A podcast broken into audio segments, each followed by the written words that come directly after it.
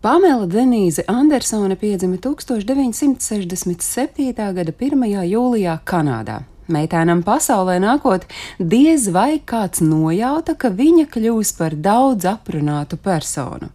Pašmāju virsrakstos vien pazīst tādi teikumi kā Pamelas Andersonas elegance liek aizsisties elpai, Pamelas seja mainījusies līdz nepazīšanai, fanus šokē Pamelas nedabiskais izskats, Pamela Andersone atrāda sievišķīgos labumus pieguļošā triko, vai arī Andersone negaidīti apprecējusies sesto reizi. Šī daudz aprunātā aktrise, kuras kontā ir ne tikai seriāls Beivačs, bet arī Home Improvement, VIP, kā arī filmas Pludmales patruļa, Borats, Šausmenīte 3, Skubidu, Blondīna un Blondīne, piedzima strādnieku ģimenē Kanādā.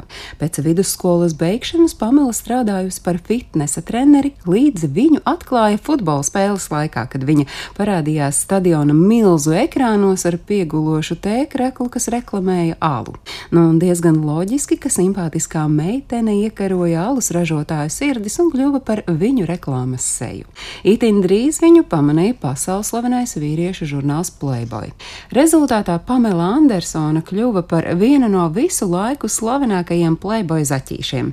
Viņas foto izdevuma vākurotājs 14 reižu, un kādā intervijā aktrise un modele pati atzinusi, ka atkailināšanās izglābusi viņai dzīvību. Izrādās modele bērnībā piedzīvojusi seksuālu uzmākšanos. Viņa atklājusi, ka pavisam mazai uzmākusies auklīte, sieviete, kura vairs nav šai saulē, bet arī pirmā pieredze ar vīrieti viņai nesot bijis apusējs lēmums. Tomēr seksuālie pārdarījumi nav atturējuši Pamelu no sapņu īstenošanas, un viņa pati par savu lielo izlaušanos sauc 1989. gada rudeni, kad pirmo reizi pozēja Playboy.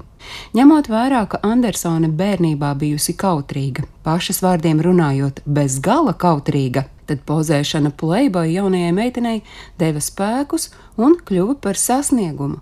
Viņa esot jutusies iesprostota pati savā ķermenī, bet Playboy palīdzējis izkļūt brīvībā un uzplaukt. Un tālāk jau diezgan likumsakarīgi, kā Pamela Andersone nokļuva uz ekrāniem. Sākumā gan tā bija nepārāk nozīmīga situācija komēdija, bet tieši tur viņu pamanīja Beivača komanda. Un lai arī sākotnēji šis seriāls izpelnījās kritiķu nopēlumu, Skatītāji to uzņēma ar atplestām rokām, un visticamāk jau pateicoties Pamelas Andersonas sievišķīgajam valdzinājumam. Līdzīgi ar lielu daļu filmu, kurās piedalās Pamela Andersona. Kritiķi tās debesīs neceļ, bet skatītāji skatās. Un iespējams arī tāpēc, ka aktrise nebūtu nav tāds rāms zaķēns, bet gan sieviete, kura nepārtraukti liek par sevi runāt. Tā piemēram, gadu gaitā medijiem un skatītājiem Pamelas vārds, liels krūtis un silikona implanti ir kļuvuši teju par sinonīmiem, un arī pati aktrise nekad nav slēpusi faktu, ka karjeras pirmsākumos ir veikusi krūšu palielināšanas manipulācijas. Tāpat aktrises mīlas dzīvei viņas fani sekojuši līdzi ar aizrautību un pati Pamela Andersone nav likusi viņiem vilties. Tā, piemēram, 52 gadu vecumā viņa apprecējusies piekto reizi, bet jau pēc gada, 53 gadu vecumā, sastā laulība.